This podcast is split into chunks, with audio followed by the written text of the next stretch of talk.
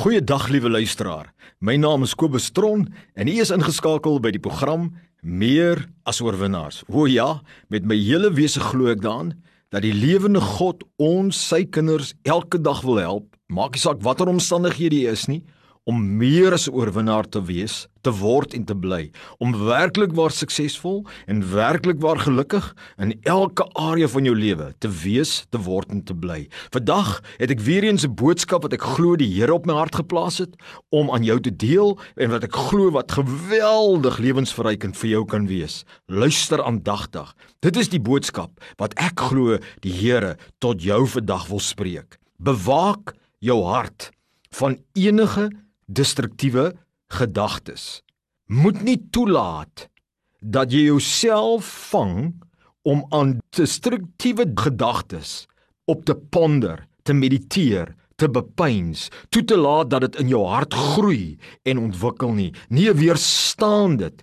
Die Here wil hê jy moet dit weerstaan. Die Here wil nie hê jy moet enige destruktiewe gedagtes in jou hart toelaat nie. Jy moet vir die res van jou lewe daarteen stry, my vriend. Jy sê, Kobus, hoekom? Prediker, hoekom? Want alles wat jy doen en nog sal doen in jou lewe, sal 'n outomatiese voortvloei wees van die gedagtes en die emosies wat jy in jou hart toelaat om wortel te skiet. Met ander woorde, kom ons vat 'n voorbeeld. As jy toelaat dat die gedagte om selfmoord te pleeg in jou hart inkom. Met ander woorde, deur jou denke penetreer in die wese van jou menswees, dan kan dit lei dat jy oorgaan tot 'n aksie van 'n poging om te probeer om selfmoord te pleeg. As jy daai gedagte weier, dan kan jy nie oorgaan tot daai gedagte aksie nie. Ek wil hê jy moet dit hoor en dit is hoe ons die bose weerstaan. Jy sê Kobus, sê die woord van die Here dit. Leer die woord wat jy nou sê. Kom ek wys jou. My vriend, Spreuke 4 vers 23 in die ou vertaling sê hierdie woorde. Dis nou nie die 33 vertaling. Sê hierdie woord: Bewaak jou hart meer as alles wat bewaar moet word, want daaruit is die oorspronge van die lewe. Hoor jy dit? Bewaak jou hart meer as alles sê die woord van God wat bewaar moet word, want daaruit is die oorspronge van die lewe. Die nuwe lewende vertaling sê dit so: Bo alles, my vriend, wees versigtig met wat in jou hart aangaan. Wat jy dink, bepaal alles wat jy doen. Ja, die Here Jesus het dit ook geleer. Hy sê hierdie woorde in Matteus 12 vers 35: Die goeie mens bring uit die goeie skat van sy hart goeie dinge te voorskyn en die slegte mens bring uit die slegte skat slegte dinge te voorskyn. Duidelik leer die Here dat ons harte, die innerlike wese van ons menswees, 'n skatkamer is. En as jy hom vul met verkeerde gedagtes, dan gaan daar verkeerde aksies deurkom. En God wil vandag vir jou sê, moenie op daai gedagtes meer ponder nie. Moenie dink daaraan nie. Jy sê Kobus, wat bedoel jy by bose, destruktiewe of slegte gedagtes? Weet jy, dit is gedagtes wat sal aanleiding gee tot dade wat jouself en ander mense se lewens sal besteel, verwoes en vernietig.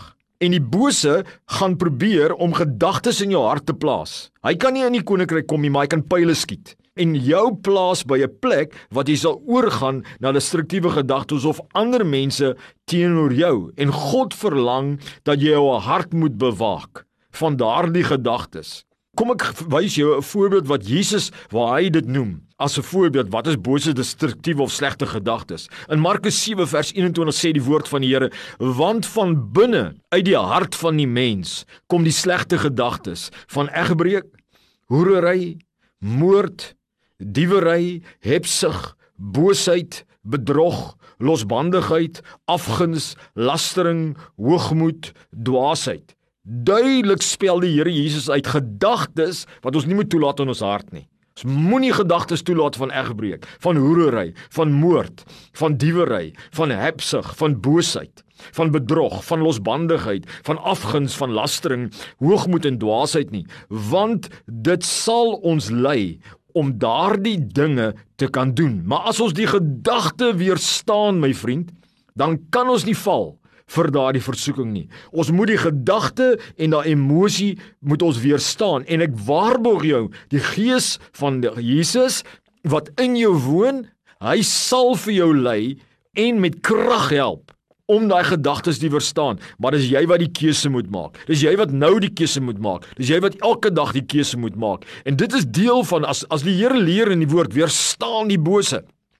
Dan is dit een van die maniere hoe om die bose te weerstaan. Jy weier om 'n bose gedagte in jou wese toe te laat. Jy kan nie help as dit in jou kop kom nie, in jou denke inkom nie, maar jy kan help om daarop te mediteer dat dit in jou wese inval en oorgaan tot 'n aksie. En God wil vandag vir jou vra om weg te bly van daardie direkte en indirekte destruktiewe gedagtes Kom ek sê gou vir jou net laat jy net seker maak wat ek bedoel by direkte en wat ek bedoel by indirekte. Direkte destruktiewe gedagtes, nê, is gedagtes so selfmoord, gedagtes van moordpleeg, diefstal, bedrog, reg gedagtes van om mense te misbruik, om onregverdig en gewelddadig teenoor mense te wees, om lelik te doen aan mense. Dis die eerste groep gedagtes wat God nie wil hê jy moet hê, maar dan is daar sagter dinge wat jy ook jy, jy moet bewaak teen. Want dit sal lei tot ander verkeerde destruktiewe verwoestende dinge wat jou lewe kan verwoes. Kom ek noem jou 'n voorbeeld. Byvoorbeeld bewaak jou hart van gedagtes van jaloesie en afguns om afgunstig te wees op wat ander bereik en wat ander het. Jy moet onthou my vriend Wanneer 'n mens toelaat dat jaloesie in jou hart kom en afguns in jou hart kom, dan gaan dit maak dat jy lelik raak, onbeskof raak, onmanierlik raak teenoor daai mense. Dit gaan maak dat jy dinge daar kan koop of vat wat nie aan jou wil behoort nie, soos Dawid gemaak het met Barseba, 'n ander man se vrou, want hy toegelaat dat afguns in hom kom alhoewel hy 'n koning was, geseënd was, het hy nie daai vrou gehad nie, hy het daai vrou begeer en hy toegelaat dat dit in sy hart kom. Hy het elke keer gemediteer op wanneer hy gesien het, bad het en van bo af van die balkon af gekyk het. Dit is wat God sê, bewaak jou hart. Bewaak jou hart byvoorbeeld van 'n indirekte destruktiewe ding is onvergewensgesindheid. Wanneer jy toelaat dat jy nie vergewe nie, want uit dit uit gaan bitterheid kom. Uit dit uit gaan vyandskap kom. Uit dit uit gaan ander bose dade en diep ongelukkigheid kom, my vriend. Regtig waar. Byvoorbeeld, kom ek noem jou gedagtes wat 'n ou moet waak oor, gedagtes, negatiewe gedagtes rondom jou potensiaal. Met ander woorde, dat jy glo wat iemand anders sê dat jy nie iets kan bereik nie terwyl jy weet in jou hart van harte God het jou geroep daarvoor. En God wil nie hê jy moet mediteer en bepeins op daardie gedagtes wat jou potensiaal kan beroof nie, want dit kan jou stop, dit kan jou weerhou om te doen wat God sê. My liewe vriend, so kan ek aangaan met sagte goed, byvoorbeeld selfveroordeling. Skuldgevoelens, dit kan jou bind, dit kan 'n gif wees vir die res van jou lewe as jy dit bely het en nou skielik hou jy aan om jouself te veroordeel. Jog mense, so kan ons kyk, byvoorbeeld gedagtes van ongeloof, gedagtes wat teenstrydige gedagtes rondom die wil, missie en die werk van die Here.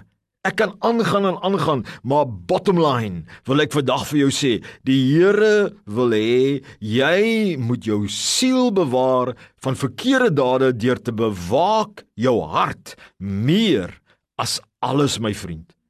As jy nou agterkom in jou lewe dat jy het toegelaat dat hierdie direkte en indirekte destruktiewe gedagtes in jou hart is en dat dit dat dit wortel geskiet het, dan moet jy nou 'n besluit maak. Jy voor die Here en jy moet sê Here, ek kies om nooit weer daardie gedagtes toe te laat nie. Ek kies Here om dit neer te lê. Vergewe my dat ek geponder het daarop. Here, ek gaan nie meer daaraan dink nie. Help my, Here.